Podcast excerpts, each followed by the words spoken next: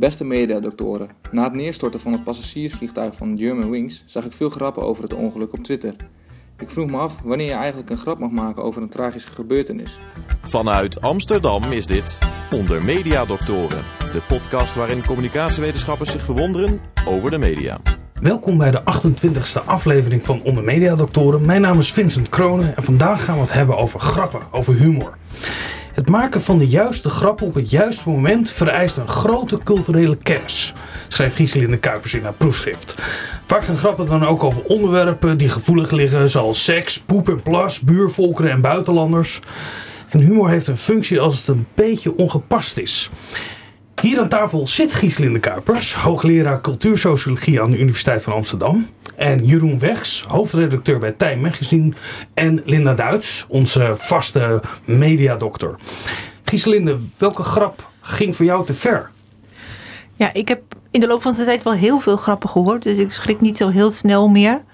Um, ik heb lang geleden in de jaren negentig voor mijn scriptie uh, etnische grappen verzameld. Dus echt moppen over buitenlanders. En daar zitten er een paar bij die ik nog steeds uh, erg onaangenaam vond. Eentje die ik me herinner, die ik toen op een middelbare school hoorde, was van een jongetje van een jaar of 12, 13. En die zei tegen mij, mijn mop, hoe kan je een negermuisje tussen de tieten neuken?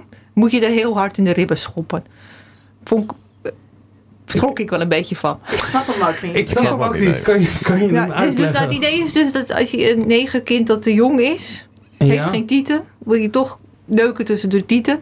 Klein jongetje, hè? Oh, en dat je moet zo hard... Ja, Ja, nou, ja, ja. Dat is dus, eh, vind ik best, vind ik nog steeds wel ver gaan. Jeroen, je bent hoofdredacteur van een, eh, van een website, Time Magazine, waar jullie ook eh, eh, jullie bedienen van satire en humor. Ja, Welke grap zou jij nooit maken? nou deze zou ik nooit maken. Maar dat is vooral omdat ik hem niet grappig vind. En dat is volgens mij ook wat mij betreft de enige ehm, eis die er wat dat betreft aangesteld kan worden. Die ik aan mezelf stel, zeg maar. Linda Gieselinde schreef ook in haar proefschrift, we hebben haar hier aan tafel zitten natuurlijk, dat er zoiets is als dat het te ver gaat en dat je eigenlijk niet meer de ruimte hebt om, het te, om te lachen. Ehm, waarom is dat eigenlijk, denk jij? Ehm, ik denk als iets eh, te vers of te dichtbij is, eh, dan is het te pijnlijk. En om humor, humor is een vorm van afstand volgens mij. En op sommige momenten willen mensen nog geen afstand nemen, denk ik. Kan je iets vertellen over wat de sociologische functie zou kunnen zijn? Of eigenlijk de functie in de samenleving voor harde grappen? Nou, dus ik wil eerst nog eventjes iets op wat Linda zei. Want die zegt inderdaad, je hebt een beetje afstand nodig. Maar te veel afstand is ook niet leuk, want dan betekent het niets voor je. En je kan ook iets, iets waar, waar, waar je geen gevoel bij hebt, is ook niet zo grappig. Dus daarom ook dat lijstje wat je net noemde. Het is dingen die grappig zijn, zijn dingen die een beetje niet mogen. Of die een beetje pijnlijk zijn, of die een beetje te ver gaan. Of waar je een beetje ongemakkelijk over bent. Ehm, en als het iets is wat heel erg taboe is in Japan, ja, dat kan je ook niet schelen. Ja, precies. Grappen tussen Indiërs en Pakistanen die, waar Dat wij is- niks mee hebben, dat doet Dat ook kan je ook niet schelen. Of grappen die 50 of 60 jaar oud zijn. Dus het moet een beetje pijnlijk zijn. Maar dan weer niet zo pijnlijk dat je er geen afstand van hebt. Want dan wordt het inderdaad. Dan komt er een andere emotie. Wat me daar trouwens bij opviel is dat het, het ging heel over die afstand. Dat gaat heel erg over wanneer een grap leuk is. En dat zegt wat mij betreft nog niet eens per se of een grap mag of niet. Of ze wel of niet zou kunnen. Ja. Maar wanneer wordt een grap dan als de afstand? Want Gieselinde geeft aan, op, er is een soort hele precaire grens tussen het moet dichtbij genoeg liggen om je een lichte ongemakkelijkheid bij te hebben. Dus het mag niet te ver liggen, want dan is het niet meer ongemakkelijk. Maar het mag ook niet te ongemakkelijk zijn. Het is een hele wankel evenwicht. Hoe ga jij daarmee om als iemand die zich bedient van deze stijlvorm? Nou, wij doen juist precies dat natuurlijk. Op, we gaan op zoek naar daar waar het, waar het eh, geno- genoeg knaagt en genoeg pijn doet om, om, een, eh, om wat teweeg te brengen. Maar, maar niet zo erg dat het pijn doet bij mensen. Dat kan wel, natuurlijk wel eens gebeuren. Maar dat is dus dat is de zoektocht naar wat is het grappigste. Wat, hoe kun je de mensen het beste aan het lachen maken. Gieselinde legitimeert het eh, grappenmakers ook om, als je iets als een grap verpakt, om hardere dingen te zeggen. Is het in die Ja, zin ook functioneel? het. Nou ja, of dat dan functioneel is, weet ik niet. Maar dat is natuurlijk wel een manier die je kan gebruiken. En dat wordt vaak ook wel misbruikt. Want het was maar een grapje. Of eh, je kan het dus inderdaad, je kan je er ook achter verschuilen. Maar het biedt op een andere manier, het biedt ook inderdaad ruimte voor satire. En voor allerlei vormen van kritiek die je op een andere manier niet over kan brengen. Dus je kan juist het feit dat je een soort van apart wereldje creëert in de humor dat niet serieus is, waar je meer mag zeggen, heeft, heeft dus verschillende functies. Dus je kan mensen verbinden doordat je er samen om lacht. Maar je kan ook mensen uitsluiten die het dus niet grappig vinden. Uh, je kan dingen zeggen die je anders niet kan zeggen. Je kan het dingen groter maken. Je kan het absurd maken. Daardoor kan je inderdaad denken van, goed, dit is inderdaad heel raar. Dus je kan het de humor heeft niet één functie. Ik bedoel, dat is ook wat er zo interessant aan is. Dus, dus hetzelfde, dezelfde grap heeft voor verschillende mensen een heel verschillende functie. En wat is het verschil eigenlijk als ik met vrienden onderling ben? Dan kan ik me meer permitteren omdat ik denk te weten dat mensen mij begrijpen. Terwijl als jij een grap maakt en je zet het op je site, Jeroen, dat het misschien wel uh, hele andere mensen treft. Dat is, is daar inzicht in te geven vanuit jouw ja, nou, onderzoek? Het is, het is een hele impliciete manier van communicatie. Dus als je een goede grap of een goed, goede humoristische tekst, die zegt bijvoorbeeld niet: Dit is grappig en nu maak ik een grapje, dubbele punt, haha, einde, weet je, haha, leuk, einde grap. Dus je laat het een beetje in het midden. En hoe meer je het in het midden laat, hoe interessanter het wordt. Maar dat wordt dus ingewikkelder als je in een publieke omgeving of als je een geschreven tekst. Want als mensen jou kennen, dan weten ze, dit is Vincent en die we weten dat zit wel oké en dit is geen racist en geen gevaarlijk iemand en niet een psychopaat. Dus die grap zal ook wel zo bedoeld zijn. Maar als je dus, hoe meer context je wegmaakt, hoe meer je alleen op de tekst moet afgaan. En juist de essentie van een grap is juist dat het kort is en dat je dingen weglaat en dat je dus niet alles erin laat. Linda? Spelen de vaardigheden daarbij ook nog een rol, vraag ik me dan af. Want een van de grootste problemen van Twitter is dat mensen vaak ironie niet herkennen. En ironie is toch best wel ook een stijlvorm van hoger mhm. opgeleide. Is er zoiets als humoristisch kapitaal? Oh ja, zonder meer. Uh, maar dat, uh, er is een, echt een heel groot verschil tussen hoger en lager opgeleide. Dat is eigenlijk ook de belangrijkste conclusie van mijn proefschrift. Dat er een heel groot verschil is in wat hoger en lager opgeleiden grappig vinden. En dat hoger opgeleiden houden juist van humor die een beetje pijn doet en een beetje scherp is en die ironisch is. En waarbij je niet te duidelijk laat merken dat je grappig bent geweest. Dus hoe uh, vlakker je het vertelt, hoe beter het wordt. En dat is een heel groot. En dat, ja, dat is natuurlijk heel lastig. Want dat betekent dus inderdaad dat als het een beetje ambigu is en een beetje onprettig, dat je daarmee laat zien dat je dus echt een verschrikkelijk goed gevoel voor humor hebt. Maar dat is wel heel moeilijk op te pikken. En dat hoort natuurlijk ook bij kapitaalvorm van hoger opgeleide, dat een heleboel mensen het ook niet snappen. Dat is het punt. En, en kan je dat ook verklaren? Waarom hoger opgeleiden op die manier grappen maken en lager opgeleiden dat misschien op een meer directe manier doen? Uh, ja, nou ja, de, alle communicatievormen van hoger opgeleiden zijn ja, gelaagder en complexer om te laten zien dat je ja, intellectueel wel wat bagage hebt. En er zit ook een soort van uitsluitingsmechanisme in. Wij zijn, wij, wij zijn niet zoals die moppenvertellers die uh, met grote gebaren stemmetjes doen. En wij houden niet van André van Duin. En ironie is bijvoorbeeld heel erg niet André van Duin. Jeroen, voor welke sociale klasse schrijf jij uh, je website? Um, nou, als ik het zo hoor, voor de hoger opgeleide. ja? Nee, ja, god. Ik, um, je, ik schrijf het niet voor een bepaalde klasse of zo. Maar ik kan me zo voorstellen, als ik, als ik dit hoor, dat er, de, de, de, nou, je, je hebt vaak wel een, een, een, ruim beeld nodig om het te vatten. Dus je moet een, een, een redelijke voorkennis hebben. Misschien al een aantal van dit soort stukken gelezen hebben. Uh, voordat je begrijpt dat dit net niet helemaal het stuk is wat je dacht te gaan lezen. We gaan luisteren naar een item waar Jeroen jij ook in zit natuurlijk. Hè? Waarin we het gaan hebben over foute grappen. Goedenavond. Prins Friso ligt op de intensive care van een ziekenhuis in Innsbruck... nadat hij rond het middaguur bedolven is geraakt onder een lawine in Leg in Oostenrijk. Dus Willem-Alexander is niet meer de oranje met de minste hersenactiviteit. In het zuiden van Frankrijk is een passagiersvliegtuig neergestort. Het zou gaan om een Airbus A320 van de Duitse prijsvechter Germanwings. Dus de co-piloot deed de deur op slot toen de piloot even naar de wc ging. Ik vind dat niet zo vreemd. Iedereen heeft toch wel een collega voor wie de deur niet open zou doen als hij net naar de wc is geweest. Twee vliegtuigen zijn neergestort op het World Trade Center in New York. Mensen springen uit de torens. Wat moet er door hun hoofd zijn gegaan op dat allerlaatste moment? Behalve hun benen natuurlijk. Islin, ik heb heel sterk het gevoel dat ik niet wil lachen. Mhm. Maar dat ik toch lach, omdat ik er ook een beetje ongemakkelijk bij voel. Is dat een verklaring ook op een psychologisch niveau of is dat niet jouw vakgebied? Dat is niet mijn vakgebied, maar ik kan er best wat over zeggen. Ja. dus als dat nou. Nee, kijk, dit is natuurlijk, dit zijn precies grappen die heel erg spelen met dat er iets niet mag. En dat je weet dat het niet mag en dat je daarom het toch leuk vindt. Maar grappen over machthebbers, Ja. dat is ook altijd iets wat weer terugkomt. Ja, dat eh, vindt iedereen altijd heel erg leuk. En wat zo prettig is aan grappen over machthebbers, is dat het altijd mag. Nou, maar dat is volgens mij niet helemaal waar. Want ik herinner me nog dat het was Ja. met, uh, met Friesal. En ik weet niet meer of het deze grap was. Maar ik weet nog wel dat Wegs toen op Twitter eh, allerlei grappen maakte. En er waren echt mensen echt heel boos.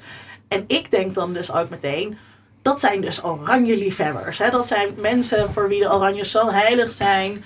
Dat, dat soort grappen dan niet mogen. Nou, volgens mij kwam hier ook nog bij dat het gaat om eh, de gezondheid van iemand. Ja, En, dat- en dat mensen die nog leefde. Ja, ja, nou goed, als van. net overleden was, weet ik ook niet of, of het dan toch al beter was geslaagd. Maar dat heel veel mensen daar boos over zijn dat je daar niet grap over mag maken. Een grote speler in de markt van de, de satirische grappen is eh, de Speld. En onze mediastudent Iris heeft gesproken met de hoofdredacteur van deze website.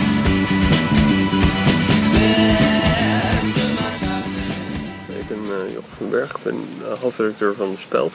Ik ben ook aanstichter van het, het geheel. Eh, dus we zijn sinds 2007 nu bezig. Ik acht mezelf daar eh, wel hoofdverantwoordelijk voor. De Speld werkt deels digitaal en deels in een kantoorruimte. En digitaal worden er eigenlijk gewoon de hele dag door ideeën ingegooid. En die worden ook beoordeeld door andere redacteuren. Is een beetje wat je zou kunnen noemen eh, de tough room. In die zin dat het erg moeilijk is om iets er doorheen te krijgen. Eigenlijk, je zou kunnen zeggen, een soort mix tussen een peer-reviewed systeem en sociaal Darwinisme. Eh, waarbij, als het goed is, zoveel mogelijk zwakkere ideeën uitgevuld worden. Het is eigenlijk wel heel snel eh, dat je door de ideeën heen loopt. Je kan er heel veel argumenten voor bedenken, maar uiteindelijk is humor toch wel, of lachen is een, is een niet vrijwillige reactie. Dus op het moment dat je iets ziet en je, je hebt er een bepaalde reactie op, dat is toch wel primaire, eh, de primaire voorwaarde, denk ik. En daarna komen al, al dat, soort argumenten over. Ik vind het eh, niet gelaagd genoeg, ik vind het te voorspelbaar, ik vind het niet goed uitgewerkt. Maar ik denk dat die primaire reactie is cruciaal en de rest is eigenlijk allemaal een beetje theorie, zou je kunnen zeggen. Het is niet alsof we ooit begonnen zijn met een duidelijk gedefinieerde doelgroep de doelgroep die, er, die het voornamelijk leest, toch wel 20, 40, hoogopgeleid. Wij zijn eigenlijk gewoon eh, vanuit nul begonnen en zijn gaan schrijven en die groep is er op afgekomen. Eh, het is natuurlijk wel zo dat je schrijft over nieuws, dus mensen die het graag lezen hebben het nieuws meestal al gelezen, dus dan eh, heb je al een bepaalde doelgroep te pakken. De meeste mensen lezen ook gewoon kranten eh, en daarnaast speld, een soort secundaire nieuwsbron zou je kunnen zeggen. Ik denk dat het feit dat we nu eh, anderhalf miljoen bezoekers per maand doen, is meer dan ik ooit had voorspeld toen ik begon, zeg maar. De actualiteit is een beetje de drijfmotor van de speld. Het is enerzijds een beetje ons eh, bread and butter, zeg maar. En anderzijds proberen we wel een beetje verbreding in te zoeken, omdat we nu al zo lang bezig zijn dat je ook wat meerdere noten wil, wil spelen dan alleen maar op nieuws reageren. Ik weet nog, ten tijde van, eh, van Robert M. Gewoon een heel lastig onderwerp om iets, iets goeds mee te doen. Ik weet dat er wel andere rubrieken waren die het wel, die het wel lukte om er toch nog iets, iets mee te doen. Volgens mij was de grap die ik keer hoorde van het ego van Robert M. is zo klein dat hij er zelf opgewonden van raakt. Dat vond ik toen best goed. Toch? Ja, kan dus wel. eh, maar in principe kan het echt van alles zijn en liefst zo naar mogelijk. Ik, ik ben in die zin van mening dat je over alles grappen moet kunnen maken. Of het nou over ziektes is of over eh, verkrachting of over al dat soort ernstige dingen. Als je de juiste invalshoek en de juiste context hebt, dan ben ik van mening dat het kan. Het is alleen, ja, die moet je wel vinden. En dat is eh, in sommige, bij sommige onderwerpen gewoon moeilijker. Natuurlijk kan een grap te ver gaan. Ik denk dat op het moment dat je discriminerend, eh, racistisch of wat dan ook, dan eh, ben ik er zelf ook niet zo van gecharmeerd. Ik wil niet zeggen dat het, eh, dat het niet moet kunnen of wat dan ook. Maar je gaat toch een beetje uit van je eigen morele oordeel daarin. Enerzijds is het een beetje dubieus. Ik heb ook een hekel aan het opgeheven vingertje op internet. Anderzijds is zeg maar morele oordelen hebben gewoon een soort van integraal onderdeel van mens zijn is zeg maar een moreel oordeel over dingen hebben. Dus elke redactie eh, heeft daarmee te maken of je nou journalistiek bedrijft of, eh, eh, of satire maakt. Dus ik denk dat dat nog wel eens een beetje overheen gestapt wordt. Natuurlijk, je hebt te maken met ethiek en daarna heb je moralisme. En die twee moet je wel uit elkaar houden. Je maakt natuurlijk gewoon ethische afwegingen. Maar op het moment dat je moralistisch wordt, dan ga je natuurlijk anderen die moraal opleggen. En met die ethische overwegingen heb je altijd te maken. Dus misschien om even een voorbeeld te noemen. Ik weet nog dat wij hadden eh, destijds iets bedacht over Friso uh, toen die uh, net overleden was. En dat is dan toch, toch iets waarbij dan in overleg met de redactie denkt van nou, misschien toch niet, niet zo heel smaakvol om iets mee te doen. Ik probeer altijd voor mezelf te bedenken dat ik gewoon één goede reden heb waarom ik een stuk plaats. Natuurlijk omdat ik ook wel weet van hey, ik kan ter verantwoording worden uh, geroepen. Ik word, wel eens door uh, dat programma op Radio 1 Lunch gebeld. Dus ik hou er wel rekening mee dat ik verantwoording moet kunnen afdragen. Maar ik vind dat juist wel een prettig uh, leidraad om te zeggen van... Oké, ik heb in ieder geval gewoon één zuivere reden waarom ik vind dat dit stuk geplaatst wordt. En dat argument is A, een soort van rechtvaardig voor mezelf. En, en ten tweede rechtvaardiging naar, uh, naar je lezer.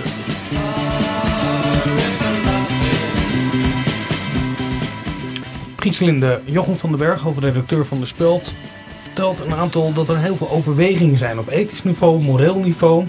Ook dat je jezelf in de spiegel moet kunnen aankijken. Um, hoe werken die overwegingen in, uh, vanuit jouw perspectief? Nou, ik vond wat hij zei heel goed. Dat wat je grappig vindt, is een heel primaire reactie. En dat is vaak, dat gaat sneller dan je zelf weet. En dat zie je soms ook, dat mensen ergens om moeten lachen. En dat ze dan oh doen, dat ze hun hand voor hun mond, dat ze ook geschrokken zijn zelf van wat ze grappig vonden. En dat kan natuurlijk heel goed. In die zin is het autonoom. Maar als je in de publieke sfeer opereert, zoals de speld, kan ik me voorstellen dat je daarna nog van alles doet. Ja, wat ik heel interessant vind, is dat inderdaad dat lachen is onvrijwillig. Terwijl we net ook vastgesteld hebben dat ergens om lachen toch ook een soort van sociale performance is. En laten zien hoe goed je iets begrijpt en je intelligentie en je smaak. En wat natuurlijk bij de speld heel erg speelt, maar ook wel bij Time Magazine, is dat je eerst lach je en vervolgens bedenk je, ga ik dit delen of niet?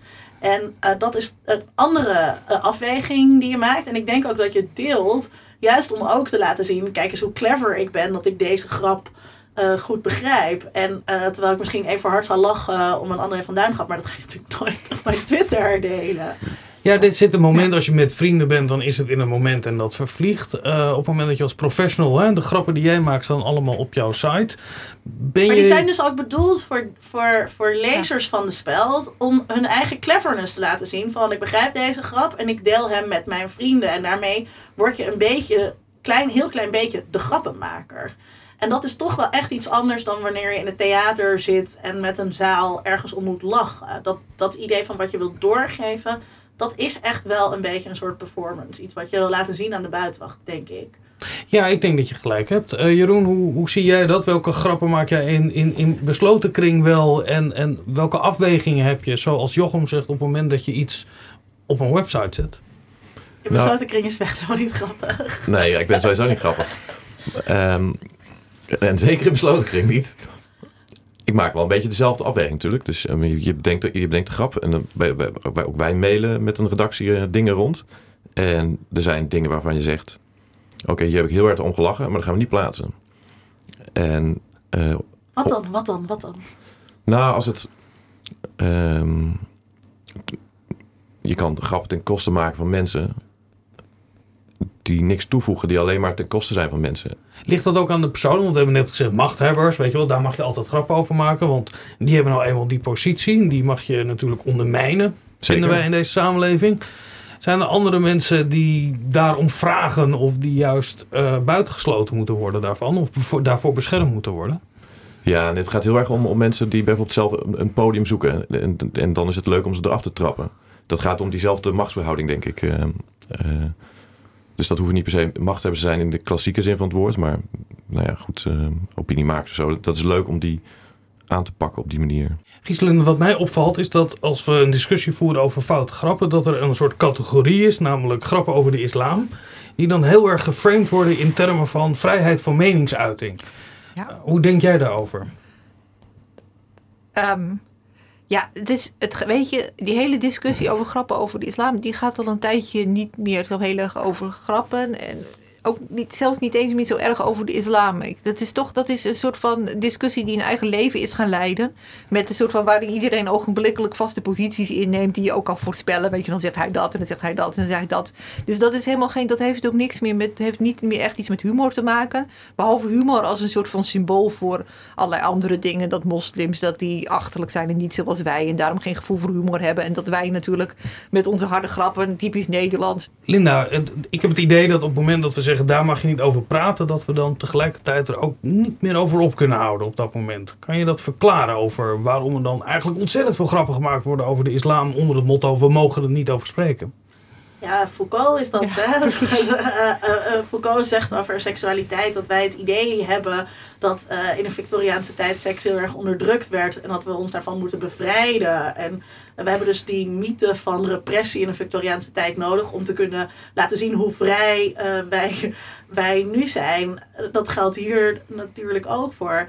Ehm, ik- Wat is die daad van vrijheid dan door een grap te maken over de islam? Hoe moeten we dat begrijpen? Hoe wordt dat geframed? Um, om, omdat, nou ja, precies omdat het dan dus eigenlijk niet meer over grappen gaat, maar het gaat over maatschappelijke verhoudingen. En wat natuurlijk naar Charlie Hebdo heel duidelijk het geval was, dat als je de grap niet maakte, dan was je mede schuldig, eh, eh, zo'n beetje.